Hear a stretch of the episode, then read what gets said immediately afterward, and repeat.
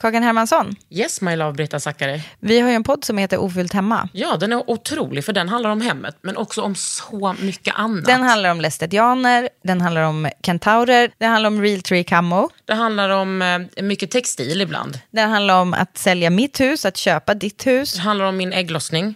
Alltid. Ja. Min också. Tack. Den heter Ofullt hemma och den finns där poddar finns. Hörs i podden, hej då!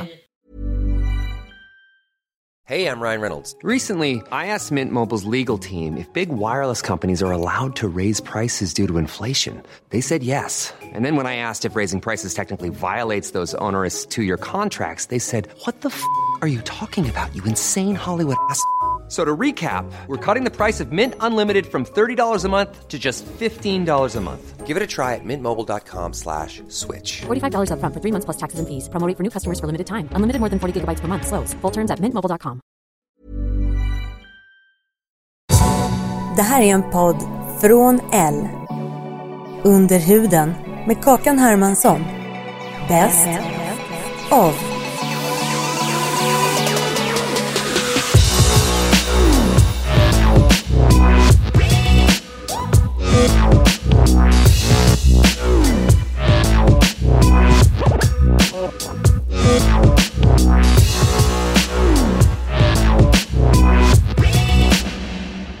Alltså nu, jag, det finns ju inte en chans att jag sätter på mig en blus. Fast vet du vad? Jag tycker också att det är, alltså vad, vad ska man säga? Man Nej men då kan man säga, oj vad mycket fransar det är nu. Nej, jag, så tänker inte jag. Jag tänker bara att man ska köra, man ska låta sina vänner bara testa saker utan att vara judgmental. Ja men, Tänk så, tänk så tittar de på dig nu och bara, "Åh, herregud. Ja det gör de säkert. Vad Hoppas hon slapp hon är. Ja, Nej, men alltså, hon är så slapp. Men det är ju, det är ju, ja, det är ju stand-upens fel. Man orkar inte bry sig. Nej. Så att det, det, nu ser jag ut så här liksom. Ja, det- och Kommer jag menar, hit med en pumatröja jag och jä- jä- alltså Jag, sneakers. menar, jag har inte tvättat håret på två veckor. Nej men jag Jag inte kan heller. inte minnas när jag duschade senast. Nej jag duschade i måndag senast. Ah, wow. Idag är det torsdag. Ja. Står Men det, på- man, det tar för mycket tid. Och framförallt tar det för mycket energi. Att, Mm. Det och ska sen- tvättas och sköljas. och Om det man ska ner där Ja. och gräva. Ja. Bara, bara där har vi ju 45 minuter. Ja, ja, ja. Nej, men det är så, jag fattar inte hur folk som lägger, du vet så här, hår, vad heter det? Inte Shampoo. hårmasker, utan hår... Vad fan Inpackning. heter inpackning? Där det är så här, så här ah, nu ska du vänta 15 minuter. Men hur fan orkar man stå och vänta Badet. 15 Den minuter? ligger i badet. Men vem har ett bad? Jag har det. Det är så jag sköter min hygien. Att jag tappar upp, sänker ner och så får det bara gnuggas av och sen går jag upp igen. Jag har ju ett, en dusch då. Ja, det är därför. Som också är ganska liten för att man bor ju liksom inte jättestort. Jag gör ju det. Hur stor bor du? Ja, Men kommer du bli arg? Du får tänka på att jag är äldre. Jag, ja, men vi har en våning. Hallå? Alltså 100 kvadrat bara. Det är en hyresrätt. Hur har du fått den? Är det första? Nej, nej, nej. Nu ska du få höra. Ja, det är klart det är förstans. Jag bytte min gamla lägenhet som skulle bli bostadsrätt. Jag Ja. sa, nej vet du vad. Den där leken vill inte jag leka. Nej. Bostadskarriärs-Marie, Nej, det är nej. inte jag. Nej. Bytte till den här. Så fick någon annan göra karriär. Ja, jag, vet vad du tänker nu. Vänta, vänta. Får jag, får, Hur får jag bara fråga Hur grej? god är hon egentligen? Får man vara en sån god människa? Ja. Jag vill bara fråga, den här våningen, Ja. är det liksom sekelskift? Ja, men det är lite sekelskifte. Två kakelugnar. Åh! Det är ju min dröm. Har du fiskbensparkett? Nej. Ljus trägolv? Alltså vi har något slags trägolv Ja, såklart. som är fint liksom. Balkong? Nej. Nej, där. Mm. Vad tråkigt för dig. Har du? nej, nej, nej, nej, gud nej. Det. Hur bor du? Jag bor i en bostadsrätt. För vilka pengar då? Nej, men det är ju också det. Jag har ju liksom inga pengar nu. Eh, 38 kvadrat är den. Men alltså fräscht att ha en bostadsrätt. Ja, jätte. Vadå har inga pengar? Du jobbar, med, du jobbar väl asmycket? Ja, ja, ja, ja. Nu gör jag ju det, absolut. Vad jobbar du med? Nej, men jag jobbar som komiker liksom. Så att jag, jag jobbar ju eh, lite som skådis, gör lite konferenciergrejer eh, och stand-upar. Och sen ibland, alltså otroligt sällan något samarbete på Instagram. Alltså en sak. Det här med att vara stå-upp-komiker. Det verkar ju vara lite som att träna handboll. Man gör det av bara farten flera dagar i veckan. Ja, Och det ska in och det ska upp och det ska... Ja men det är, ja, ja, det är väldigt mycket, men det är också kul, alltså det blir som en drog. Alltså Som det, ögonfransarna. Det blir, ja, det är, min, stand-upen är mina ögonfransar. Ja. Nej, men det blir ju det, för det blir så här att man måste köra mycket för att bli bra också. Mm. Och för att kunna eh, testa allt nytt, nya skämt och kunna utvecklas i skämten. Och så. Det låter ju också jättetuntigt. Men, men så det blir mycket, mycket åkande. Jag åkte förra veckan på Uddevalla. Tog fyra oj, timmar. oj. Åkte dit. Klockan var nio. Giggade 25 minuter. Åkte hem fem på morgonen igen. Så det är mycket åka, åka sådär liksom. Bara. Giggar 25 minuter. I fucking Uddevalla. Ja, jag vet. Men du. När ställde du dig på scenen första gången och skulle stå upp då? På riktigt gjorde jag det 2015. Eh, Aha. på en standupklubb. Men, men, 20 år gammal. ja, det var jag. Det var min kompis. Vet du vem Camilla Fogelborg är? Rödhårig. Ja, precis. Hon, Från P3. hon, eh, hon var så här, nu har jag fixat så att du ska gigga. Tre minuter. Jag bara, uh, okej. Fy fan vad vidrigt. Ja, så här, open mic kväll. Eh, och det var då jag började. Vad sa du? Open mind kväll. Open mic. Okej. Open, open mind. Eh, Men det gäller ju att också att man har en open mind. ja, ja, men verkligen. Men då, då gjorde jag det. Sen pausade jag jättelänge. Alltså inte körde. Hur var den gången?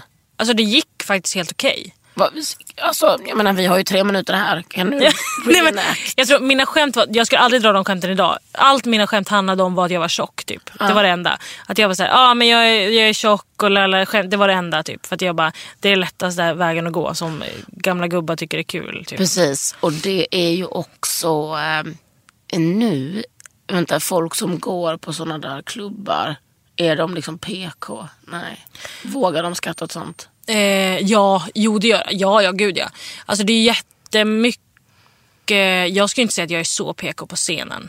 Nej, alltså, Alltså- det har jag aldrig trott. Jag menar bara att det är publik. Alltså jag tänker så här, när man är med typ men- så PK-feminister och man bara, åh jag är tjock. De bara, det enda de vill skrika är bara att du är inte tjock. Men de har fått lära sig Ja. att tjock inte är något dåligt. Ja, precis. Mm. Alltså, nu säger vi att så här, ja, och det är en kropp. Det är en kropp. Du har en kropp. Man bara, ja, jag vet. Tack Precis. snälla. Nej, men så här, men det, det, var någon, det var en kväll, jag eh, brukar gigga ibland på Stockholm Comedy Club, där det är kvällar som heter Female Friday, där det bara är kvinnliga komiker som kör. Eh, och då var det ett gäng som var där som trodde att det här var en feministisk klubb då. Som trodde att nu ska vi få feministiska skämt. Liksom. Det är, jag tänker att det är många som eh, för, förväxlar kvinnor med feminister. Ja, ja. För det är ju inte samma sak. Nej.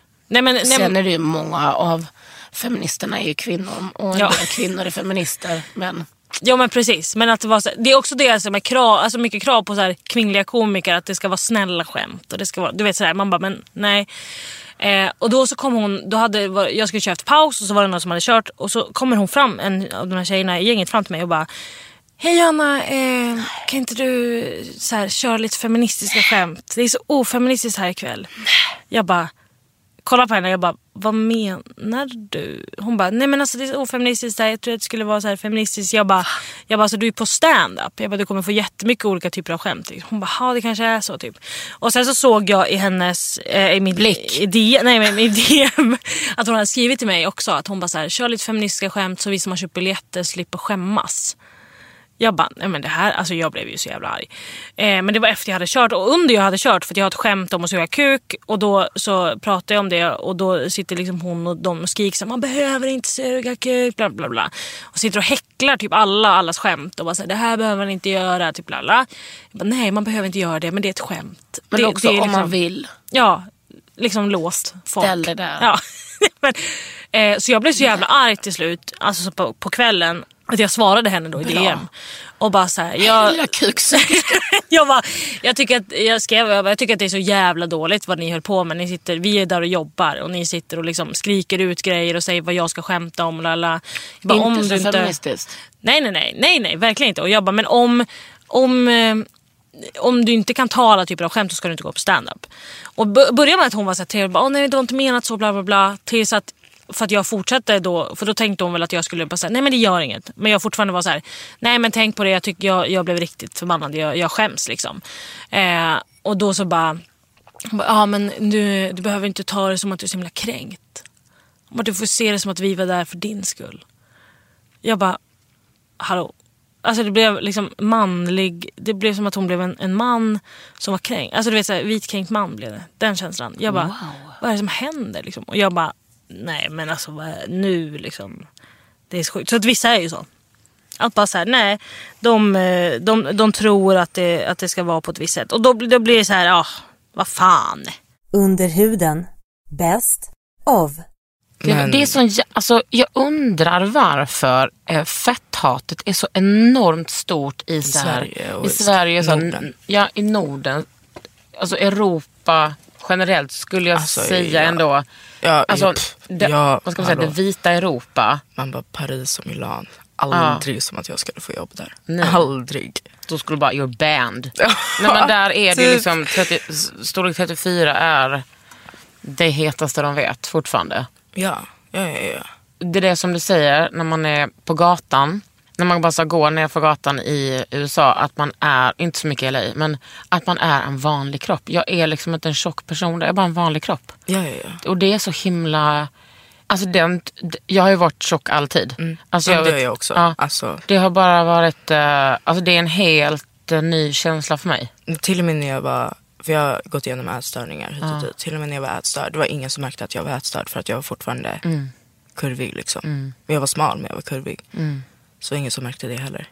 Och då typ kunde jag nå en storlek 14, vad är det, 38? Som, alltså topp. Och det är så sjukt när man tänker efter. Det är så här, okej. Men de flesta... Jag tänker att de flesta med ätstörningar, det syns ju inte alltid på kroppen. Liksom. Nej, och det är det problemet. Det är där problemet ligger. Att typ, folk har en tanke på hur man ser ut. Ja, och att ut ätstörningar är anorexia. Ja, exakt. Men hur kom du över din, äh, dina ätstörningar? Det var typ via Instagram alltså. Jag började, jag tror att under den perioden, när jag fick reda på att jag hade ADHD. Jag fick reda på att jag hade ångestsyndrom, eller panikångestsyndrom, depression, alltså allt i ett. Jag hade redan lite så här, äh, hela tankesättet med, som man har när man får en ätstörning typ. Jag är tjock, äcklig och ful typ. Började ta ADHD-medicin. Vilket gör att man tappar aptit. Så jag började blamea, liksom, skylla min ätstörning och mina, mitt tankesätt på medicinen. Men tyckte du att det var gött att inte vara hungrig? Alltså jag var hungrig men jag kände typ inte av. Jag gillade typ kä- känslan. Jag tror att väldigt många kan relatera. Att Gud, man ja. gillar känslan av att Ja, vara hungrig. För det är då man tänker typ, kontroll. oh my god, jag håller på att bli smal. Alltså, Det är så ägg, alltså det är så taggande. ja, ja, ja. Eh, verkligen. Och sen en dag jag var typ så här. Fan vad trött jag är. Alltså depressionen typ. Den bara. Alltså jag var så trött på allting. För jag hade så här sömnproblem och allt. Man får ju Hur allting. gammal var du då? Alltså det höll på ett tag. Jag tror att det började när jag var typ 10. Åh, hjärtat. Någonting sånt där. Om inte, alltså jag, jag kommer ihåg att jag hade jag har haft ångest hela mitt liv. Bara att för mig var det typ så här, du är stressad. Men vilken sexårig är stressad liksom? Förstår du? Nej. Men som jag kan minnas var det typ när jag började fyran. Så jag var typ 9-10. Det är litet alltså. Det är väldigt litet. Och det är så här, wow. Alltså, det är sjukt. Men nu när jag tänker efter, det är så här, om inte jag hade gått igenom det. Jag är typ tacksam för de hårda grejerna jag har gått igenom. För annars skulle inte jag ha det mindsetet jag har idag. Nej. Och jag skulle inte vara så förstående som jag är idag. Typ när jag jobbar, bara när jag träffar nya människor och någon är typ otrevlig så tar inte jag det personligt. Nej, för jag vet inte vad den personen gått igenom under dagen eller går igenom under en period. Så för mig så är det mycket mer, jag kan förstå människor på ett bättre sätt efter allt det här. För jag kan ha varit en liten Fitta alltså, vill du säga. ja. Jag såg att du ville säga det. Du, du får säga det. Ehm, så det är förståeligt alltihop. Eller hur? Jag har också Allting- Mm. haft så sjukt, sjukt mycket ångest och haft mycket panikångestattacker. Och att ha panikångestattacker, det blir man ju sjuk i huvudet av. Ja, men, ja, ja, För det är typ, man, alltså jag tänkte mig så här, det är, jag kan, alltså jag dör hellre än att leva så här. För att det, Nej, det är känns så vidrigt. Det känns som att man får en psykos ju. Nej men alltså, jag, alltså jag, under min, speciellt under när jag hade depression. Mm. Då var det typ nice att få en panikattack för då Mm. kände jag någonting. Jämfört med, för när man har depression så känner man ingenting. Nej. Det är liksom så här mellow. Och när jag fick en panikattack då var det så här, okej jag lever. Mm. Men jag dör. Men jag lever. Jag, jag brukar alltid spy när jag fick det. Alltså Jag det var... jag också fått det. Fan vad vidrigt det är att ha panikångest. Fy Ja, nej, alltså, fan vad vidrigt det är alltså. Men också typ så här, jag tycker det är intressant för hur... Det, det som hjälpte mig att typ förstå min panikångest bättre var att läsa in hur kroppen fungerar när man får en panikattack. Typ ge det. För att oftast, det man blir galen över är ju typ att man inte riktigt vet vad som händer. Och så försöker man Och så, kontrollera man, så blir man rädd och så försöker man kontrollera det och så känner man sig som en galen person för att det kom från ingenstans. Mm. Typ. Så man, det som fick mig att bli mer lugn och förstående när det kom till min panikångest var typ okej, vad är det som kan trigga mig?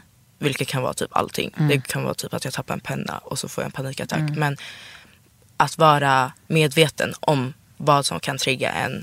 Att läsa in typ vad, hur kroppen reagerar. Typ varför man kan typ bli kissnödig när man har en panikattack. Varför man andas som man gör. För att adrenalinet går. Alltså det, allting handlar om att kroppen tänker fightas typ. Typ sånt där och det har hjälpt mig så mycket att tänka Har du gått i det sättet. terapi? Det har jag gjort. Eller jag gick på BUP. Eh, Lilla. Jag vet. Jag lilla BUP. Men eh, jag fick eh, typ överläkaren för att jag var, hade som, var så här grovt fall. Typ. Och han var skitbra. Bäst av. Det är ju lite mer typ alltså att vara artist och, s- och vara en sån person som jag är. Alltså när man bara lölar runt lite. Det är ju liksom lite, alltså då måste man ändå ta lite mer ansvar. Eller inte. Mm, men jag känner verkligen att jag har fått mycket mer kontroll på mitt liv. Alltså sen jag eh, typ fick en karriär. Alltså för innan så jobbade jag ju bara på restaurang och på dagis och så fick man lite pengar och så mådde man så dåligt för att man jobbade typ i disken. Så då eh, typ gick man ut 25 och typ söp upp de pengarna. Och sen lånade pengar av någon. alltså så här. Och nu har jag ju en stadigare ekonomi. Ja. Och bara så här, har styrt upp allting. Och känner mig så... Jag tror att så här, alltså att, men också typ att jag inte är eh, beroende av eh, någon kille eller sådär. Nej, men jag känner liksom att så här, det är första gången i mitt liv som jag är typ så här bara... Ja, ja, du kan låna pengar av mig. Eller du vet så här, jag är så här, jag har koll på min skit nu. Tänk vad lite pengar kan göra hörni. Ja fy fan vad det är befriande. Speciellt om man kommer från inga pengar. Verkligen. Jag ska inte säga att jag inte kommer från några pengar. Liksom. Så här, mina föräldrar har hjälpt mig jättemycket. Men jag menar, alltså, min mamma var ju så bambatant när jag var liten. Bamba, Jobbat på ja. mycket kaféer och sånt där. Nu har hon ju äntligen... Hon kunde ju läsa till det hon ville bli när alla vi liksom slutade jag vet inte, hänga med henne varje dag. Hon bara get off me. Alltså- Ja. Nu är hon hudterapeut. Nu är hon hudterapeut. Jobbar hon mycket med din hud eller? Hon? Mm. alltså inte jättemycket. Jag brukar få gå dit. Eh, liksom när jag är ledig hemma i Göteborg så brukar hon säga så här, vill du komma förbi? Och så kommer jag. Gör du då en ansiktsbehandling? Ja, men jag brukar verkligen inte göra så hardcore stuff. Jag har ju aldrig gjort sån här dermapen och sånt som du har lagt Men du ut. behöver inte göra det. Nej, men eh, alltså. Vi gör me- mest typ så fukt och lite peeling. Och så ska jag göra sån här när man smäller bort blodkärl på kinderna. Laser. Mm. Ska din mamma göra det? Ja, det ska hon. Men jag, eller, eller så ber jag någon annan där göra det för jag kommer bli så arg på henne. Alltså, för att, alltså när det gör ont så ska man inte göra det med någon som man är nära. Ja, det var som när Hanna Hellquist tatuerade den här vågen på mig. Så, en sån som du har likadan på fingret typ. Alltså betyder den hang loose? Nej. Jo. Det är en sån våg som jag har på handen och du har på armen. Jag tror att den betyder typ go with the flow. Alltså Okej. Det är sånt som surfare Ja. och skatare har. Men om jag säger till att den inte betyder det. Du bara jo. Det här är en våg som symboliserar Hanna Hellquist ekopol. Okej, för, för er ja. Ja. Men om, eh, alltså, om någon annan ser den där så betyder det att du är en skön tjej. Well, you rang. Jag får kolla på din då. Den, den Alltså- har min kompis Maja gjort. Så du har alltså verkligen tatuerat in den för att du är en skön tjej? Nej! Jag tog den för att eh, alltså, jag tyckte att det såg, eh, den såg jävligt samtid ut. Alltså typ så här, den ser lite ut som en eh, tribal. Jag ville bara vara lite mer som min kompis Moa Romanova. Är du det då? Nej. Hon är coolare. hon är väldigt mycket coolare än mig. Ja, hon är fan coolare. Men jag Eller, är ju som hon en äldre dam jämfört med henne. Ja, alltså precis. på många sätt. Jag är ju verkligen en, eh, en dam och hon är liksom en ung Du, kvinna. precis, du är en sån som har sån, såna gardiner hemma jämfört med henne. Jag har ju skitdyra gardiner som jag liksom har sparat till och köpt så här. För att, och tänker på vad det är för material och så vidare. Och Är det hon- en del av din klassresa? Eh, ja, men alltså min mamma och pappa har alltid varit jätteintresserade av eh, inredning och att göra fint. När jag var mina med. liten hade ju de så här, när de eh, var tillsammans så hade de ju café, restaurang där det också var eh, antikaffär. Så man typ kunde köpa möblerna och sånt som man satt med. Så de har alltid varit jätteduktiga Göteborg? på det. Ja, på Andra Långgatan. Nu röker man eh, vattenpipa där. You did not ring? eh, Nej, men så att de har alltid varit jätte så här, duktiga och inne på det. Eh, Men jag skulle, alltså ja, jag har väl alltid... Jag skulle säga alltså om eh, klassresemässigt, ja, det har väl gjort eh, lite. Jag tycker det är lite svårt att skilja på klassresa och... Stil. Nej, Nej men lyssna. Klassresa och vara känd. För det är svårt att veta var ens självförtroende och självkänsla kommer ifrån att man hela tiden blir liksom... Ja, jag kan gå i, alltså innan hade jag inte vågat gå in på NK. Nej, Men nu vågar jag göra det. Ba- Dels för att jag kan, kan handla där men också dels för att folk har liksom en annan respekt för mig för att de känner igen mig. From TV shows med ja, mera. men jag känner, alltså, men det har väl mycket med självförtroende att göra också. Att jag bara så här, har fått en sån jävla boost av människor liksom, som bara, fan vad du är bra. Och då känner jag att jag kan gå in på NK nu och lukta på en jävla parfym. Och innan gjorde inte jag det. För att jag känner bara, jag är så ful och allt jag har på mig är fel och jag är konstig typ. Så jag kan inte röra, jag vet inte hur jag rör mig i den här miljön. Nej. Och nu känns det som att så här, jag har en helt, jag eh, har en annan, eh, jag vet inte, en annan självkänsla. Under huden. Hur bestämde du dig att du skulle inte bara prata om det utan att skriva en bok om att det liksom, nu jävlar ska det bli, en- nu ska fan, håll i hatten. Nej men det var när han skickade mig en porrfilm över telefon. Eh, ja men precis. Eh, sjuk. Han är en sjuk människa. Och eh, han har gjort det så många gånger. Och det jag tänkte då, normalt sett har jag bara raderat det. Men, eh, Vänta, hur gammal var du då? nej men jag var ju, alltså det här var 2014. Hur det gammal- var, hur gammal är jag? Då var jag 33. Men, och då kan folk tycka men du var en vuxen kvinna. Nej, men, nej, vet du vad? Ingen tycker det. Nej, nej förmodligen inte. Nej, men men vad, grejen du- är den, nej. man vill inte dela någon sexuell upplevelse med en förälder. Inte ens en porrfilm. Och eh, nej men så jag fick nog bara, någonting hände i mig. Att jag bara, nej nu jävlar. Så, Men var var du i din, eh, i din liksom, jag tänker att så många, mina kompisar som har varit med om det som du har varit med om, Mm. det är lite så komma ut process. Ja men det är det. Men jag, gick, jag kom ju ut med att jag hade blivit sexuellt utnyttjad i bilen em, på väg från uh, Skavsta flygplats som det hette då. Och, eh, Till din mamma? Nej, till honom. Till min pappa. Han hämtade mig från, eh, jag hade landat från London. Och eh, jag var väl ovanligt tyst i bilen och bara kände, nej fan alltså. Det här är helt sjukt. Och jag kunde inte vara tyst längre. Och hur gammal var du då? 21. 2021 där någon gång. Och det är väldigt vanligt att eh, vi som blir sexuellt utnyttjade gör, säger någonting när vi är i den åldern eller aldrig. Eller långt senare. Och då eh, säger jag till honom, men varför gjorde du det här? Och när, jag tänkte bara säga det intellektuellt, så här, sakligt fråga honom. Men när orden lämnar mig så blir jag så jävla förbannad. Så jag är så här, men gud vad är det som händer? Hela jag skakar. Och istället för att ställa frågor, och det här skriver jag om i Medan han lever, så eh, skriker jag allting. Jag bara, du gjorde det här, jag fick inte mitt rum utan du hyrde ut det till ugandiska kvinnor, bla bla bla. Och sen så berättade jag allt han gjorde för mig, mot mig och så började jag slå honom. Nej, och ni kör, han kör Ja, han, bilen? kör på, han kör 120 på motorvägen. Och jag, så här, jag sket i, jag var så här, vi kan gärna krocka bara han blir mosad. Så vore det underbart.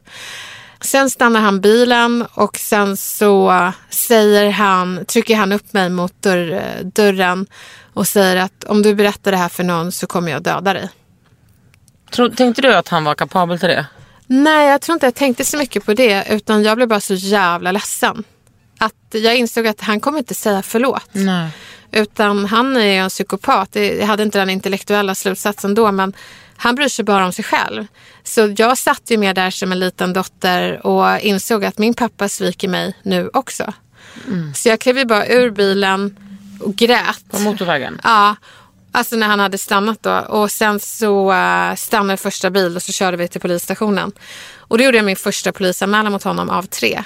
Men det fanns ju inga bevis. Visste din mamma om detta då? Hon fick reda på det den kvällen. Så, ja. Får jag fråga? Ja, och vet du vad? frågor? Om det är någonting som jag inte vill svara på så säger jag bara det. Men det är helt lugnt att fråga. N- När du var 21, när slutade övergreppen? Eh, han utnyttjade mig mellan att jag var två, alltså minnesmogen och tio år. Ja. Vad är det för jävla sär? Alltså hur, hur kan han få leva? Jag vet inte. Det är, nej men det är så sjukt. Nej men det var, han satte igång när mamma skilde sig från honom. Hon insåg att det är någonting som inte stämmer med honom. Så att, eh, och det var ju det som var så sjukt på polisstationen. Att de bara, ah, men finns det några fysiska bevis? Och det var så här, jag var 21, jag var inte oskuld. Det är klart det inte fanns några bevis. Men eh, då, för att hoppa fram till 2014, så hade jag ju beviset i min telefon. Det står ju avsändare, det står, det är en porrfilm. Så jag ringde upp min dåvarande förläggare Anders Sjöqvist och berättade och vi hade känt varandra i tio år. Jag bara, Anders, nu ska inte vi skriva retorikböcker, vi ska skriva en eh, självbiografi. Och då började han garva lite och bara, ser inte du lite ung för det? Jag bara, jo det kan jag vara, men eh, det handlar om min pappa. Jag blev sexuellt utnyttjad av honom och han blev så helt chockad. Och så sa jag, den ska heta Medan han lever, för jag vill att han ska få bära skammen medan han lever. Och sen så gick jag upp till polisstationen när jag hade lagt på och uh, satt med en polis i förhör och visade filmen och Är det olagligt att skicka en sån film? ja, det är sexuellt ofredande. Ja. Och, Hade han skrivit någonting? nej, Han nej, det var bara innehållet. Det blev rättegång och han dömdes. Ja, han- men han är inte dömd för något annat? Nej, och domen var 5 000 kronor. Så mycket kostar det att skicka sin dotter en porrfilm i Sverige. Han, är, jo, han är dömd för annat. Han är dömd för misshandel av kvinnor och diverse. Han är en sån här äcklig svensk gubbe som utnyttjar eh, invandrarkvinnor och liksom förklarar det här som hans beteende som svensk kultur. Att Sverigedemokraterna. Ja. Fan vad sjukt. Alltså, för, men jag, jag tänker alltså jag har inga ord för det här. Vet du vad? Jag har inga ord. Nej, men, och vet du vad? Det är det där som är så sköna. Det är så många som, vi, det är en femtedel av Sveriges befolkning som blir sexuellt utnyttjade. Och många säger, gud jag vet inte vad jag ska säga. Och vet du, det finns ingenting man behöver säga. Nej. Den största trösten till oss överlevare, det är att ni känner till statistiken och att ni pratar med era barn om integritet. Att man inte så lättvindigt låter barn sova över hos sina kompisar för att 90 procent av förövarna är en nära anhörig till barnet. Min pappa förgrep sig på en tjej i min klass också. För att hennes föräldrar kollade inte upp vi- vilka mina föräldrar var. Men hur ska man då veta? Alltså, jag tänker så här. De flesta pedofilerna är ju inte någon som man bara, det där är en psykopat. Nej, precis. De flesta pedofilerna är ju typ så, ens, ens granne. Som bara, åh han är så god, han är trevlig. Och... Ja, han är så intresserad Han av har- barn. Okej, ja. men då kanske man ska fundera lite. Ja fast vem? Han erbjöd sig att vara barnvakt. Ja det kommer inte hända. Om man säger så, här, det kunde man aldrig tro. Men de groomar ju föräldrarna. Man bara kollar på Michael Jackson och de, alltså de där killarna, typexempel för överlevare. Den kärleken de hade till Michael och lojaliteten. Har du sett dokumentären? Ja det är helt... eh, Ja, alltså den, precis, men den beroendesituationen de, satt, de var i och deras familjer. Och liksom hur de som sådana småpojkar hade De var ju tillsammans liksom. Ah, Fast då på ett eh, inte... eh, Nej, och den här mamman som lät sitt barn sova över i flera veckor medan familjen reste vidare. Det är så jävla intressant hur deras relation idag fortfarande är trasig och hon har svårt att förlåta sig själv. Och det förstår jag. Precis, men det är ju din, då, shit, din nummer två på shitlistan. Ja, men de som blundar. Eller så här, det kunde jag inte tro. Eller, eller nej, mer Nej, det, det är tre. De som, som liksom är naiva. Nummer två är de som vet men tycker det är pinsamt för familjen. Som eh, min pappas släkt. Faster, farbröder, de kan ju dra åt helvete. För de visste hela tiden. Och de ville inte att jag skulle säga någonting för det blir pinsamt för familjen. Har det, de liksom samtalen faktiskt skett? Ja, gud ja. De har jag bett att dra åt helvete. Och det finns ännu värre. Och det är sådana som Patrik Sjöberg vars mamma visste men fortsatte leva med pedofilen. Det finns alltså kvinnor som väljer att leva vidare med en man de vet förgriper sig på deras barn. Alltså jag vet inte vad som är värst. Nej, jag vet inte vad som... Och vad beror det på? Ekonomiskt beroende, känslomässigt störda, eh, Ja, liksom traumatiserade. medberoende. Jag har ingen aning, men de kvinnorna kan ju också dra åt helvete. Alltså det är... Sen så finns det de fantastiska som är medvetna och de är såklart fler, hoppas jag. Best of. Many of us have those stubborn pounds that seem impossible to lose, no matter how good we eat or how hard we work out. My solution is PlushCare. PlushCare is a leading telehealth provider with doctors who are there for you day and night to partner with you in your weight loss journey. They can prescribe FDA-approved weight loss medications like Wagovi and Zepbound for those who qualify. Plus, they accept most insurance plans. To get started, visit plushcare.com slash weight loss. That's plushcare.com slash weight loss. Life is full of what ifs. Some awesome, like what if AI could fold your laundry? And some, well, less awesome, like what if you have unexpected medical costs? United Healthcare can help get you covered with Health Protector Guard fixed indemnity insurance plans. They supplement your primary plan to help you manage out of pocket costs. No deductibles, no enrollment periods, and especially no more what ifs. Visit uh1.com to find the Health Protector Guard plan for you. Din musik ska eh, handla om din transition. Men var är du i din transition? Alltså just nu så väntar jag på mina hormoner och eftersom att nya Karolinska har kostat så mycket pengar så måste de dra ner på personal och resurser på instanser i sjukvården. Vilket också har drabbat Anova, transvården och sexualmedicininstansen. Så jag skulle fått mina hormoner nu i oktober men kommer behöva vänta till års... Eller så här, de, de har bara sagt att jag kommer få en ny kallelse. Kan hända i vinter, kan bli nästa år. Nej. Jag menar, till och med jag som inte är trans vet ju att eh, det kan ju vara ett direkt livsavgörande. Ja, Den här men- jävla väntan. När, när kontaktade du transvården först? Oj, gud. Två år sedan, Ja. tror jag. Och det ska alltså dröja så lång tid? Ja men det är det. Alltså det är sjukt. Men eh, jag är ändå sjukt privilegierad över att bo i ett land där jag får all min transvård gratis. Alltså jag betalar inte en krona för det. Jag, Nej. liksom kommer, få, jag kommer få ja, men, logoped, eh, diatermi som är så hårborttagningsbehandling där de tar bort allt hår i ansiktet och på bröst. Mina hormoner, Alla bröst, fitta, alltså Ja. everything. Liksom. Gud, Efterprat, alltså så här, terapi. att betala skatt till det här. Terapi.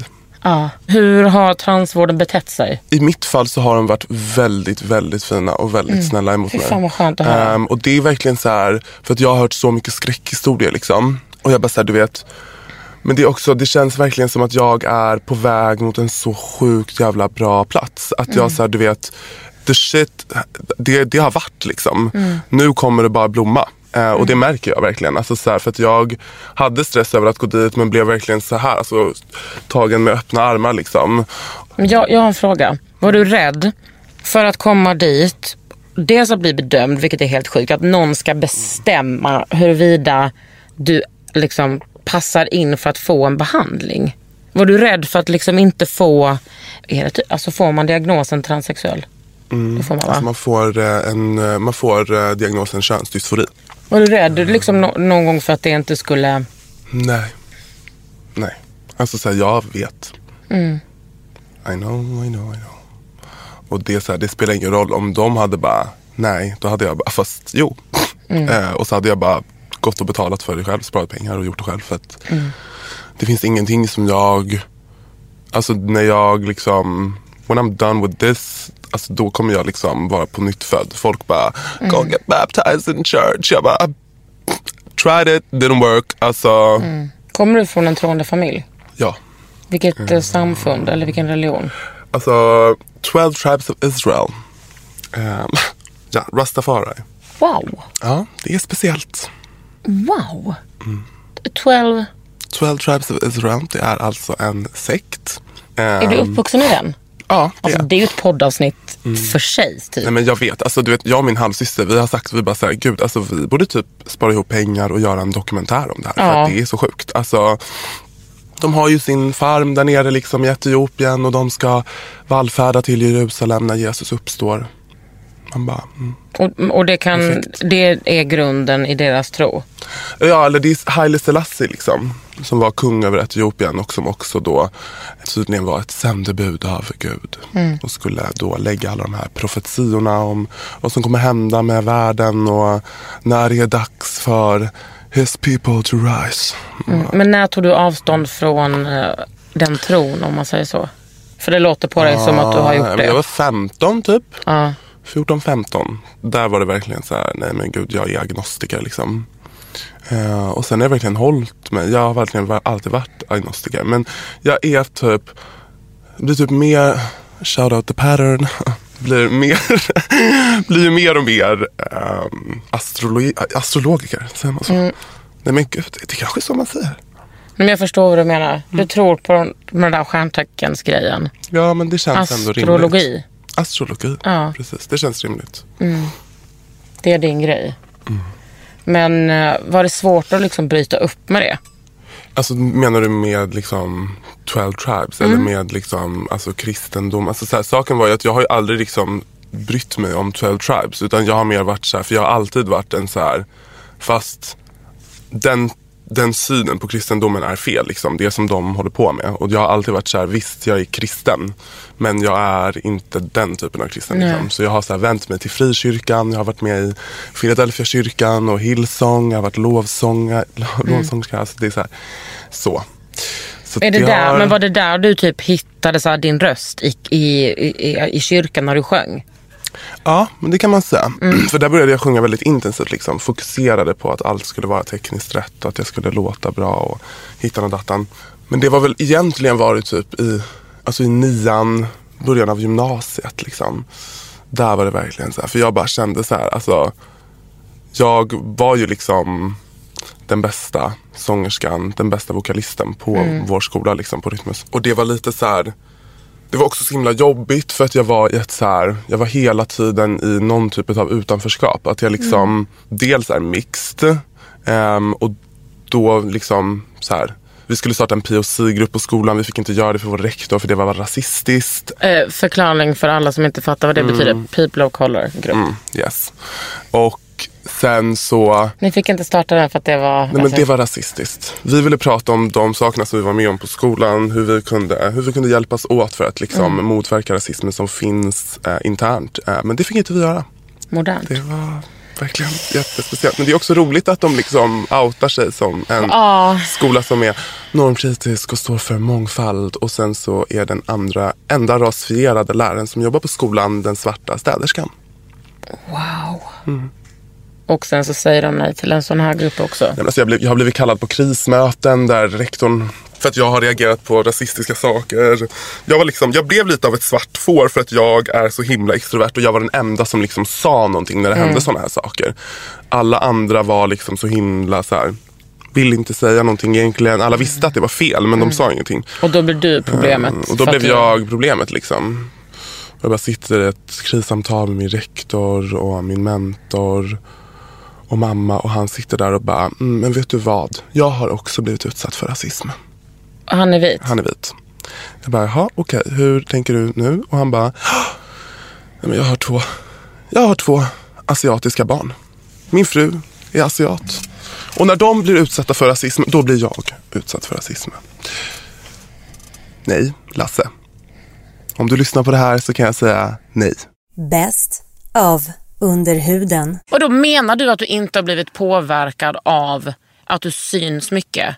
Ja, men det är klart att jag har blivit eh, på något sätt. Eh, men det har kommit så gradvis att det är väldigt svårt för mig att säga vad som, vad som är vad så att säga. Men det är klart att det påverkat mig att jag har blivit offentlig. Jag tänker mig för Mm. på ett annat sätt vad jag säger och vad jag gör. Jag skulle ju liksom ah, aldrig liksom bli Oj, vad hon tänker nu. Jag ska försöka fundera ut vad Jag jag bara, inte ska, vad det har- så mycket, det är så bara, mycket hur jag har inte jag skulle göra. censurerat mig nu? Nej, men jag, så här, har jag jag, jag skulle det? inte stå så här. och- Och visa och- kuken på en fest? Nej, det skulle Nej. jag inte sådär. Same inte visa tuttarna heller faktiskt. Eh, och du vet, man kollar ju alltid så här, har jag genomskinligt på mig idag eller syns det någonting Mm. liksom. Eh, Så det är klart jag tänker mig för. Men det är också för att jag är tonårsbarn, herregud. Ja. Då när, apropå det här med att visa trosorna i Let's Dance, då, det var ju min äldsta son var ju 11 år då. Oj, och det var, oj, det var ett lyft vi skulle göra i buggen. Som gjorde att liksom kjolen skulle trilla ner. Jag skulle så här stå upp och ner på axlarna eh, på mm, ja, min dansares axlar då. Så att jag skulle ha benen rakt upp i luften. Och då skulle ju den här lilla buggkjolen åka ner då. Och jag var så tänkte så här att ja, jag måste ju fråga Wille om lov. Jag kan ju inte göra det ifall han liksom inte, du vet 11-12 år, lite känsligt. Så jag frågade honom så ville är det okej om, om jag gör det här liksom? Mm. Jag förklarade liksom. Och han var så här, vad är det för trosor? Nej. Och jag bara så här, ja men det är ganska stora så här. Det var så stora mamma, prickiga, vita, lite 40-tals så här, rejäla liksom. Såna här hotpants var lite så här. Och så, så här, och så ska jag ha ett par andra under också för säkerhets skull. Han bara, ja men då är det okej. Om du har två par är det okej.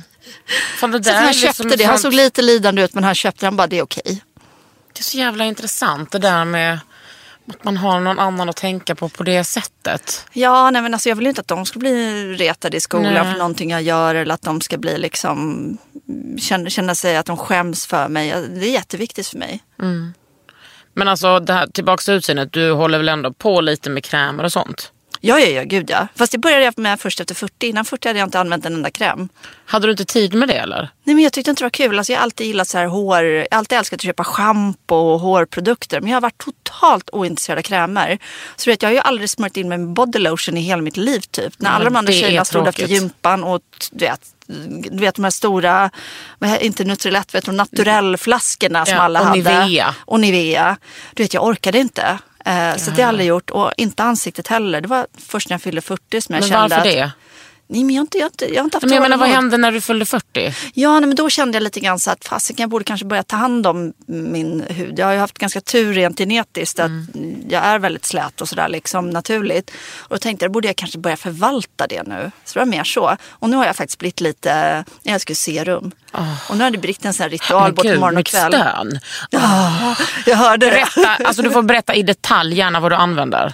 Nej men alltså jag, mm, först har jag någon sån här, alltid tar, så här, nu tar jag faktiskt rengöringsansiktsservetter för att jag körde nästan ett års tid sån här micellar water Ja, eller vad det heter och tyckte det var water, jätte, jättebra.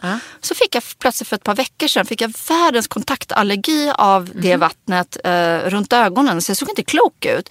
Jag vart helt illa, jag fick nästan sår. Ja, jag fick nästan eh. sår och svullnade upp så att ja, jag såg helt galen ut. Så nu har jag inte vågat använda det igen utan nu har jag liksom använt så sensitive servetter. Ehm, och jag tycker det är ganska smidigt Vad är det för också. märke på de där servetterna? Jag brukar ju köra de här vanliga, jag tror det är L'Oreal på Mm. de här. Och det är sensitive då. Och sen tar jag serum och där kör jag SkinCeuticals eh, produkter, Mm. gillar jag. Så att, eh, och så har jag lite olika, det är så här H-serum och Mm. det är ett morgonserum och ett nattserum. Jag vet knappt vad de heter, något fuktserum. Och jag älskar serum. Mm. Nej, jag älskar det den här är fan- kylkänslan när det går in i huden. Jag tycker det är så jäkla skönt. Och sen använder jag en ögonkräm och en dagkräm också från SkinCeuticals. Um, den som inte är så fet, för jag gillar inte när det blir lite fett. Jag tycker Nej. inte om att känna mig, jag har lite lite så här oljig T-zon. Så Ja. att jag tycker inte om den här lite klibbiga känslan. måste Jag vill att det ska gå in lätt Jag vill gärna veta vad det är för... Ja, jag kan ju aldrig vad de heter. Jag känner igen, när jag ska gå in och köpa dem så känner jag igen på hur burkarna ser ut. Men jag kan aldrig säga vad de heter. Och så har jag en sån här nattserum som jag är lite så här småklibbigt. Men på natten tycker jag det är helt fine. Alltså SkinCeutical. Mm. Ja, jag tycker de är ska jag säga skitbra. Jag jag får? tycker de är jättebra. Jag får sexuella känslor. Ja, men jag tycker de är så bra. Sen hade jag några eh, glow-ampuller från Babor som jag hade Mm. inför releasefesten också. Som jag också tyckte funkade så jäkla bra. Huden fick en otrolig lyster. Visa vilken det är du har. Nu ska vi se här. För då kan jag nämligen lägga in det på bloggen sen. Ja, eh, jag har den här eh, Ferulik. Den här. Den, är, del, det, den utsåg jag till eh, årets eh, alltså typ produkt Ja. förra året eller för förra året. Det är skitbra. Sen kör jag den här på natten. Resveratrol BE. Eh, antioxidant. Jättebra. Natt, Mm, eh, Så den har jag bara den på natten. Blemish Defense tar jag från härifrån ifall jag får lite ut, utslag. Om jag käkar socker så får jag direkt utslag och då brukar jag köra den. Eh, den här Correct Retexturing Active kör jag också ibland. Jag vet inte riktigt när jag ska använda dem. Du bara jag har fått på, rekommenderat och så blaffar jag på liksom. Best of. Men var det liksom speciellt att eh, bögar brydde sig om eh, till exempel kvinnoförtryck? Skulle jag verkligen inte påstå. Inte? Nej. Berätta, du måste... Du, alltså jag menar, här kan du berätta hur som helst. Du kan vara hur utmålande som helst. Nej, de flesta som var gay, de hade väl fullt upp med att parta. Ja, det var så. Ja. Och lesbiska, det var ju liksom några konstiga, fula kvinnor som slogs. Ja, det är vi ju. Nej, jag skojar. Vadå, det var så? Ja, ja. Men ibland, så, ibland fick man ju alla de där fördomarna liksom, vad heter det, bekräftade. Genom? Nej, men jag kommer ihåg en gång, alltså, men då, då är vi i Stockholm. Det hade öppnat vid Odenplan någon, någon, något gayställe och så stod vi i kö. Och, och den manliga delen av kön, alltså bögarna, liksom, var jättefjolliga. Och, och, och så här, ja, du vet, så här, ah, medan då ett par glasögon försedda snaggade flator låg på, på, på marken och slogs. Med varandra? Ja, ja, ja. Pucklade på varandra. Nej, men alltså, det var så bisarrt. Jag skäms för mitt släkte. Det behöver du inte göra för att du tyckte inte de där, jag tyckte inte de här fjollarna var så mycket roligare heller. Nej. Men vad, tyck, var liksom könsrollerna snävare för er på den tiden? Liksom hur ni kunde uttrycka er med så stil och kläder och... Nej men alltså vi som var bögfeminister, vi hade ju vår egen klädkod.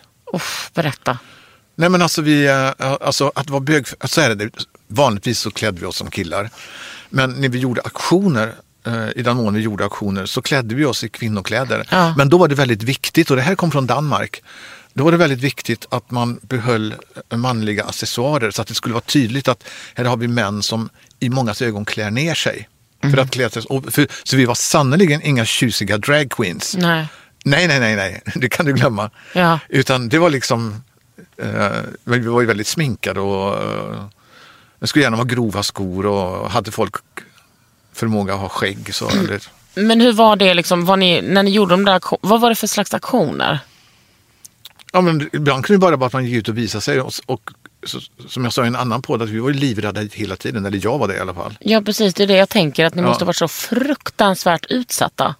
Ja, så kändes det. Ja, Och så utsatte man sig. ja. Skitjobbigt. Men och vad, vad, vad, alltså aktionen var att gå runt klädda så för att liksom, Ja, vi gjorde en aktion som var, alltså den tycker jag, den är jag riktigt stolt över. ja. Så här var det.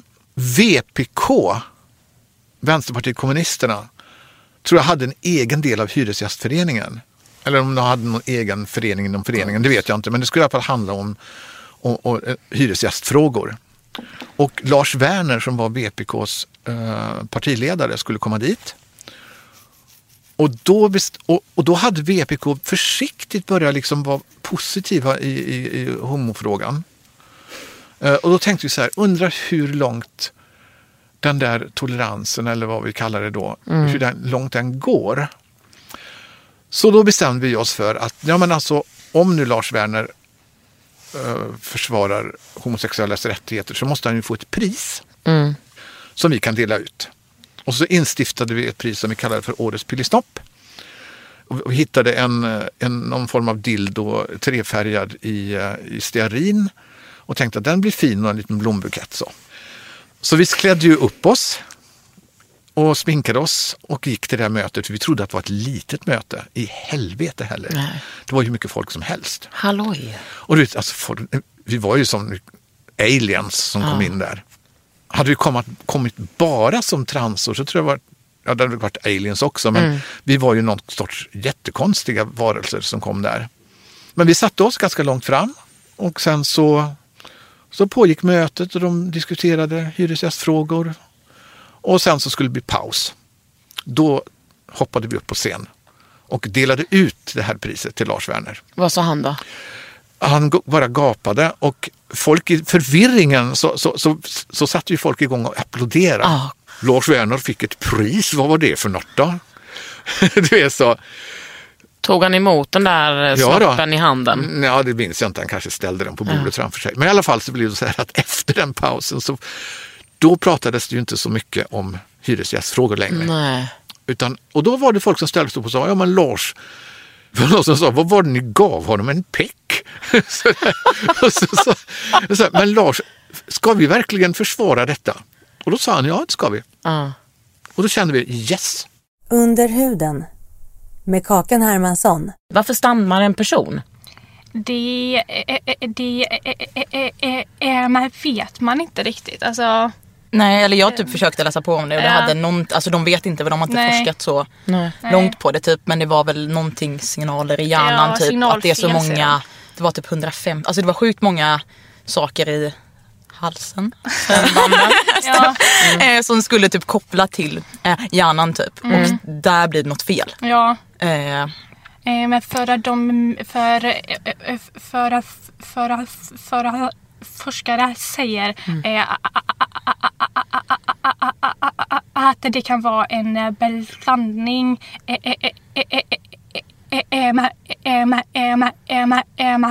mellan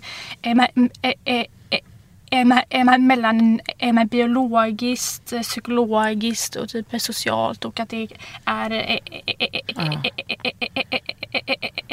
en, en mix som påverkar påverkar liksom sin stamning eller vad man ska Ja, för säga. jag, menar, jag tänker så här, det måste ju också vara så. I vissa kulturer så är stamning mer eh, accepterat. Att typ Mm. att vissa kulturer, man vet ju inte hur det var typ back på stenåldern. Nej, precis. Bara, deep fact. Men ni två har en helt olika stamning, det märker man ju direkt. Ja. eh, Heter det typ något? Nej, alltså för eh, eh, alla som är, som är stammar Mm. är är stammar på sitt sätt. Och det är det som är så jäkla coolt eh, med tycker jag i alla fall. Att det är så individuellt. Ehm, ehm, För att det kan se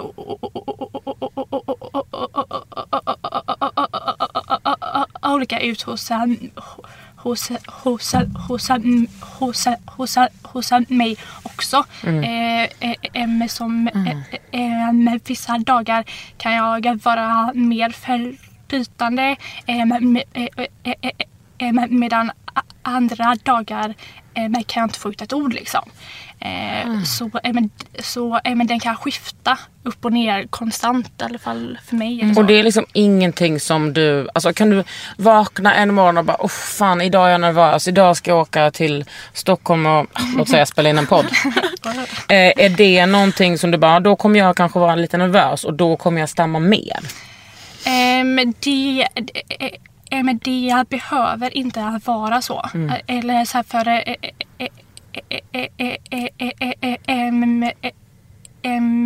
Minas, minas, minas, minas, minas stamning kan inte jag kontrollera eller påverka alls liksom. Men sen kan, sen kan nervositet ibland göra det liksom värre. Eh, Men det kan man aldrig veta liksom. Nej. Så, eh, men det eh, kan ju kännas väldigt osäkert att aldrig veta hur talet kommer gå eller kännas. Eller. Ja det måste vara skitjobbigt. Men det kan vara väldigt psykiskt påfrestande Ja. att liksom aldrig veta. Men Linnea, du sa ju till exempel att du dolde det. Att du har dolt det så himla bra. Mm. Att, hur fan har, man- har du gjort det? Ehm, Jag inte svära jag tror man... Jag vet inte. Alltså jag by- byter liksom ut eh, ord. Mm. Eh, och jag har gjort det så länge att jag inte ens märker det typ. Mm. Nu typ tänkte jag säga tänker på det. Men jag bytte ut det till märkte direkt. Varför det? För att min hjärna vet att jag kommer stamma på tänker.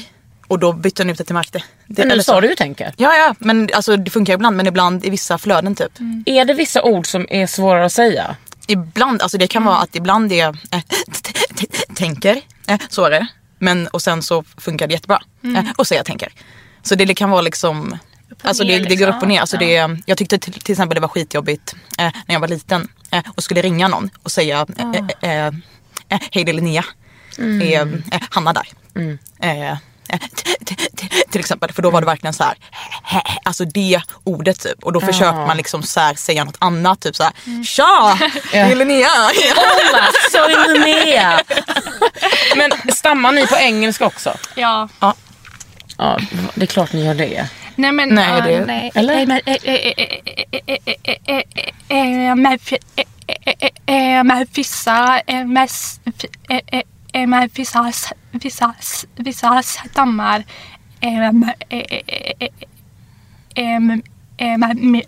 Mindre om de pratar andra språk och så.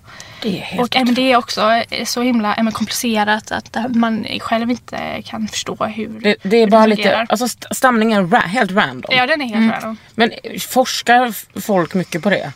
Inte tillräckligt kan vi Inte, säga. nej, jag vet inte. Nej jag har inte heller så stor... eh, Inte jättemycket tror jag inte. Jag har liksom inte brytt mig så mycket om stamning.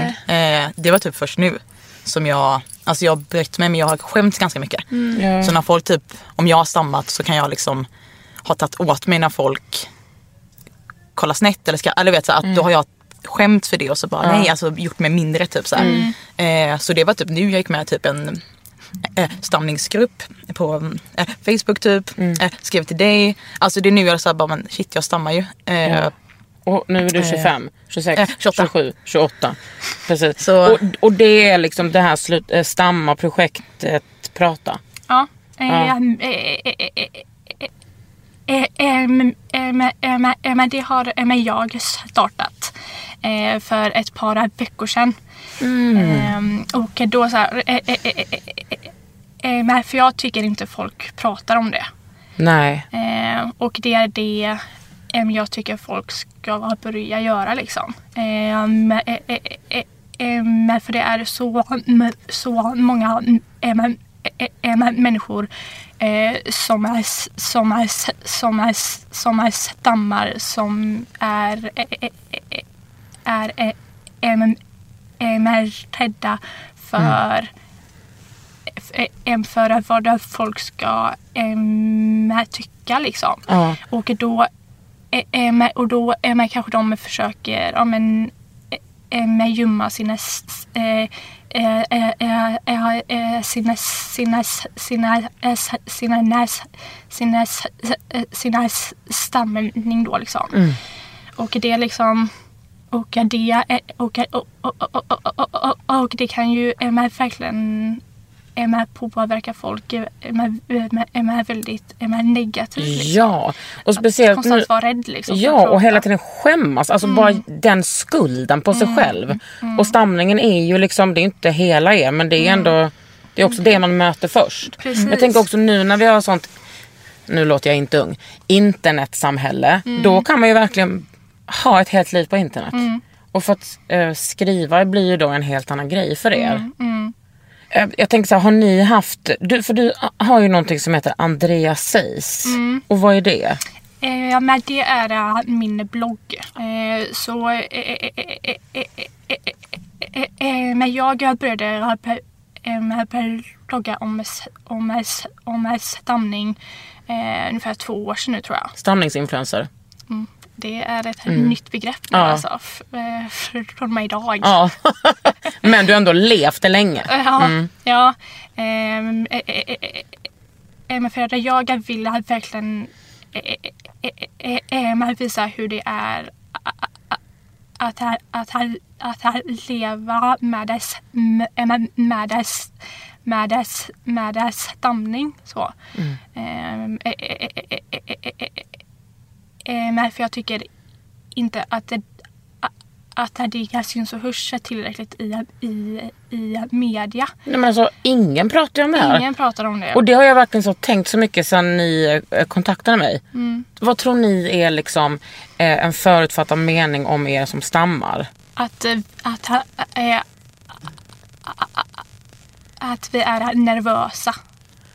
Konstant bara, åh Mm. gud vad hon är liksom nervös. Och bara, Ah. nej. Nej, nej. Ah. Eller att man är äh, blyg. Ja, blyg eller... Eh, ja. Mm. För att det blir ju kanske att man blir tyst för att man inte Mm. vill äh, Ja. prata liksom. Mm. För att man kanske sitter i en stor grupp eller Mm. någonting och så blir det så här, ska jag säga något? Man orkar man liksom Mm. ta folks blickar typ? Är jag på Mm. det modet typ? Eller så bara, Ja. nej jag pallar inte idag så då är man tyst. ja, du måste tänka på det hela tiden. Ja. För man vill skydda sig på något sätt. Ja, Eller så här, det ja, blir men liksom, eh, Ja. det är väldigt sårbart liksom att Mm. stamma. Mm. Eh, Det här är så intressant. Mm. Men vad är den vanligaste reaktionen på er? Alltså när man stammar? Ja. Eh, Att folk typ ska tatta till liksom. Jaha. Så- Haha. Alltså typ lite så nervöst. Ja, eller så här, eh, eh, eh, eh, eh, eh, men för att, för att folk men vet generellt inte hur de ska bemöta en person som är som är, som är, som är stammar. Så kanske de inte har sett det förut liksom. Och bara oj herregud. Vad händer där liksom? Är du okej? Eller det är så här bara, ja jag är okej. Ja. Ja, liksom. Så då känns det impuls, vet du, det? Eh, impulsivt och det är nog bäst att jag skrattar här. det är bra, bra om jag hånar den här personen Ja. som verkar tycka att det är jättekul den här Ja. stamningsproblematiken. Under huden. Ofta är det så att det kanske kommer en person eller ett par ut till en by, mindre by runt Benin City. Och man uppmärksammar den unga flickan. Och ger henne komplimanger, kanske säger att du är så duktig på det du gör, du är så duktig på att fläta hår eller vad det nu kan vara, ta hand om barn. Och så erbjuder man ett jobb. Eller skola. Något av de två är oftast. Och säger att om du kommer med oss till Europa så kan vi hjälpa dig så du kan tjäna pengar. Vi ser att du har det fattigt. Är det ett speciellt ett fattigt område? Ja, det är ett fattigt område och av någon anledning så har, eh, finns det väldigt mycket korruption, eh, väldigt mycket kriminalitet, mycket människohandel Mm. just i det här området. Och de lovar henne liksom guld och gröna skogar? Ja, det är verkligen guld och gröna Mm. skogar. Och de här unga kvinnorna, eller tjejerna, de, de tror ju på det här. Och det enda de vill är att kunna hjälpa sina småsyskon, Mm. hjälpa mamma, kunna få småsyskon att gå i skola och sådana saker. Och de har ju ingen omvärldskunskap överhuvudtaget, många av dem. Så att det är så lätt att få med sig dem. Och deras, deras bild av Europa är också helt så här. Mm. De tror att Europa är paradiset. Och sen när de flygs hit, flygs de med människosmugghandlare eller vad det heter? Eller flygs de själva? Någon möter dem? inte. De flygs inte ofta. Det har hänt att vi har haft kvinnor som har flugit till Europa. Men det som, de blir lovade flygresor. Men sen det som Jag händer är är att de naiv. åker genom eh, öknen. Eh, via Niger ofta, tror jag att det är. Och så kommer de upp till eh, Libyen. Och så är en del utav dem där upp till ett år till och med. Eh, och blir våldtagna, utnyttjade. Tills det är dags för dem att åka över Medelhavet i sina gummibåtar. Och eh, en del av dem eh, blir ju sjuka och är till och med riskerar att dö liksom under bara resan. det gör man ju alltid på den Det gör där man ju resan. så, ja. Men när de är i Libyen, vem är det, börjar de säljas redan där? Ja, många börjar säljas redan där och en del, Eh, en del har en person med sig som människohandlaren har utsett.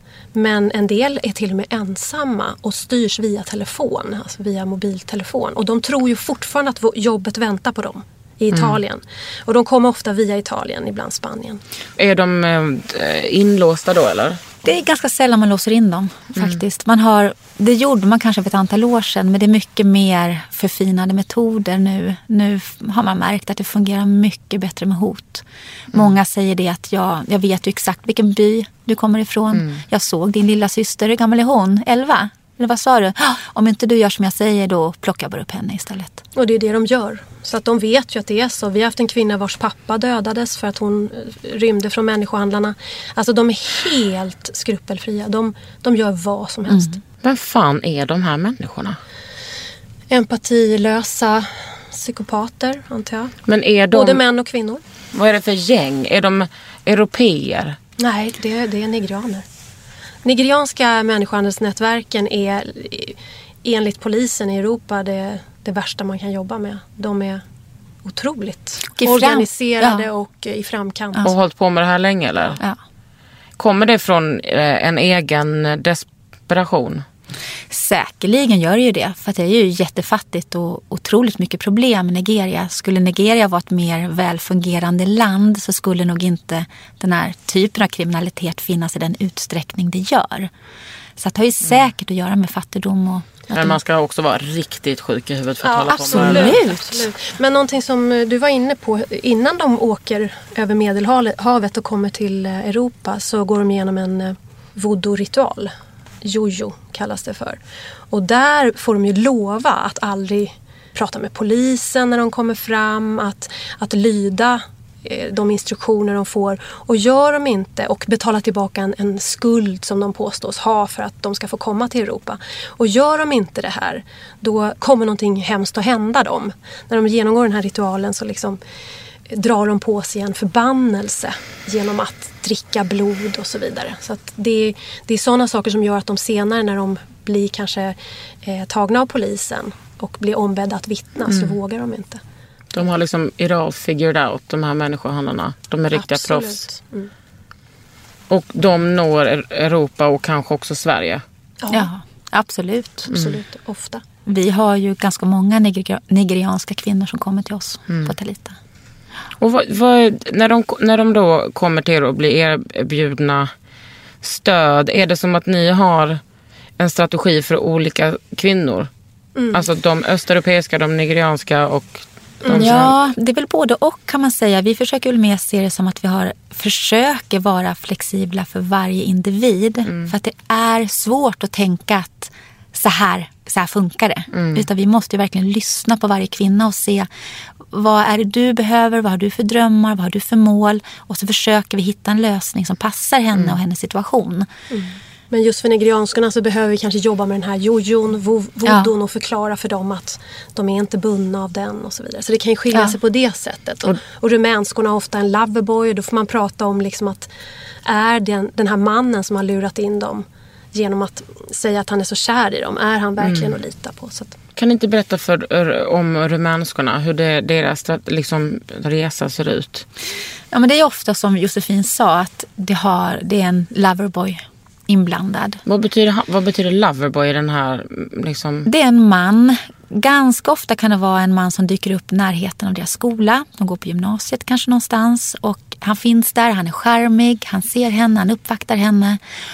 Han eh, pratar om att de ska ha en framtid tillsammans, att de ska ha pengar. För Rumänien är också Mm. jättefattigt, de har ju inga pengar. Tyvärr. Och hon blir ju ofta väldigt charmad av den här mannen. Och tror på honom och vill så fruktansvärt gärna ha en annan framtid. Hon Mm. vill ju att det han säger ska vara sant. För hon vill ju bara bort från sin situation och från fattigdomen som finns och sådär. Så att när han sen, de är, de är ju jättesmarta och det är inte så att han säger första dagen så här att sen tänker jag att du ska vara i prostitution. Mm. Utan det är ju oerhört successivt. Att han sakta, otroligt smart får in det här att för vår skull så kanske du skulle kunna tänka dig. Och det är inte så farligt. Och min syrra hon har gjort och, och så vidare. Tills hon en dag tar det här steget som hon från första början kanske aldrig någonsin Nej, hade och så framstår det som självvalt. Ja, precis. Och då är de kanske redan i Sverige. Ja, eller något annat land i Europa. Mm. Ja. Det som jag tänker med kvinnor i prostitution är ju att om folk som inte är så insatta tror att det är någonting som kanske liknar så här, lyxprostitution. En, liksom en frivillig, eh, ja, det som folk kallar hora. Att man har sex en gång var tredje månad och så får man oändligt mycket pengar. Ska man gå och köpa dyra saker. Men i verkligheten så är det väl liksom våldtäkt efter våldtäkt efter Mm. våldtäkt. Mm. Med allt annat än just vaniljsex. Att det liksom är... Exakt, det är fruktansvärt. Alltså när man säger lyxprostitution, vilken del av prostitutionen tänker man då är själva lyxet? Mm. Är det kanske de där pengarna efteråt då som hon, jag ska säga det sällan att vi träffar en kvinna som får behålla sina pengar. Och när hon kan få göra det så är det vanligt att hon är så nedbruten så att eh, de där pengarna de, de kan liksom aldrig eh, Oftast är det inte så mycket pengar men om det är pengar så kommer det aldrig kunna läka, liksom, Mm. göra något gott för henne överhuvudtaget. Mm. Men man tänker lyx då, ja de kanske möts via internet. Är det så mycket bättre? Därför i slutändan så möts de ändå upp på något sunkigt rum där hon blir, som du säger, våldtagen Mm. och får vara med om fruktansvärda liksom, övergrepp. Så var, vi, vi, vi undrar alltid så här, var är lyxen? Liksom? Men sen så tänker jag på en kvinna som vi jobbade med för ganska länge sedan, 10-15 år sedan.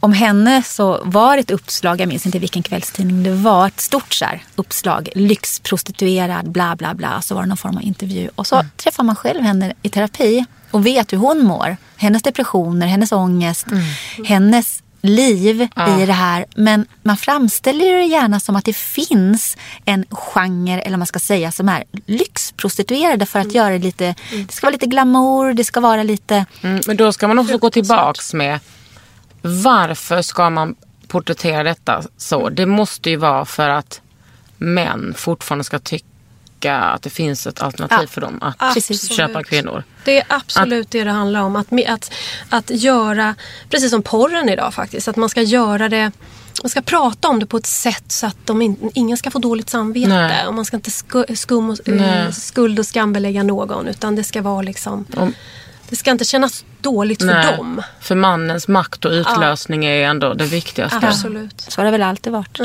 Bäst av Underhuden. Som en sån genomskinlig, the naked dress från, Från Ida Klammerbarn. Ah. Får jag ha på mig den nu igen kanske? Hundra fucking Okej procenten. Ida, om du hör det här kan du börja redan eh, leta efter en storlek 40 till mig. Ja, du äger inte den? Nej, jag lämnar Alla är inte som dig Kakan som får allt. Ja, exakt. Eh, vänta, vänta, vänta! Ekman! Nej men vänta, jag ska bara plocka ihop mitt framfall och stoppa tillbaka det i Men mitt jag får inte några coola grejer. Eller jo, jag får det. Du Ja. hade jeans på dig häromdagen för typ 10 000. Ja, som är Okej, ja, de 100. vill jag ha fått. Ja. De är jag väldigt Vad var det för något? Jag har fått ett par jeans från Lois med 18 000 kristaller på. Helt sjukt. Hon får ingenting. Men jag visste inte hur dyra de var. Jag fick reda på det när jag hade på mig dem på festen. Har du sålt dem nu på Tradera? Nej, jag kommer använda de här. De var riktigt snygga. De var riktigt fina. Ja det är klart att du kan ha på dig den men du vet att hon har gjort en ny typ Nakenklänning. Ja den är typ halvnaken som är så sexig. Den vill jag ha. Ja. Alltså nej men det är, ja precis men också på din fest hade jag ju de här jag hade ju string, alltså jag har ju aldrig string. Ja, det var jag har alltid sexigt. string. Och chaps. Nej men gud. Och sen gick vi till Spybar i de det var kläderna. Nej men gud vad underbart. Hade ett litet bord där. Stod i fönstret. Jag tryckte. stod, liksom, alltså jag stod liksom och twerkade någon typ i ansiktet. Nej det var inte helt ansiktet. Men det var typ halvansiktet. Och sen bara såg jag att, att jag stod och dansade där med röven ute. Hon tog fram och filmade. Jag bara nej alltså du kan inte filma det här. Nej men jag måste också få säga, jag kanske inte ska säga hotellkedjan men där vi var, där jag, för jag hade ju ett litet samarbete där. De blev ju svinsura för att jag hade sextema. Eh, Varför blev de det? Nej men inte vet jag. De tyckte inte det passade deras varumärke. Alltså det var inte ens en sex, alltså vi var sexiga punkt. Oj det var en sexfest. Ja fast det var ingen som hade sex tyvärr. Eller? Jo, Eller fick någon ligga? På kvällen hade jag det ja, på natten. Det hade jag så tar det- Hade du? Ja. Men Det hade jag Och sen skaffade hon flickvän. Ja. Men det var ju bara att du åt henne och så hon kom på en sekund och sen sa hon Ja, det. exakt så var det. Jag vill inte veta att du har ätit henne. Alltså. Va? Är du Men alltså vi vet. Nej, men, nej men vi är vänner! Jag vill inte höra sånt här om vänner. Alltså, Har ni tänkt på att det är så många som blir lesbiska? Ja det är underbart. alltså jag försöker Nej, ju. men du har- du dig på det?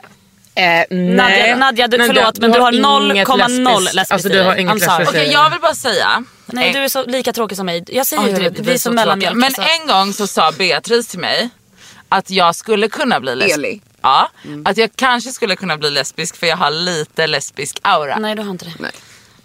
Alltså grejen är så, du har ju en ganska butchig aura. Ja, Jag har har lite du. butchig men du älskar kuk för mycket. I'm sorry. Du, du går inte igång. Du skulle inte inte... Du... Just nu är jag bara, just nu är jag väldigt asexuell. Just nu gillar hon- bara creative directing. Och kläder. Och kläder. Mm, mm, dyra kläder. Men absolut. Nej, men jag, jag tror absolut att man kan bli lesbisk om man vill. Du har lyssnat på Under huden med Kakan Hermansson. En podd från L.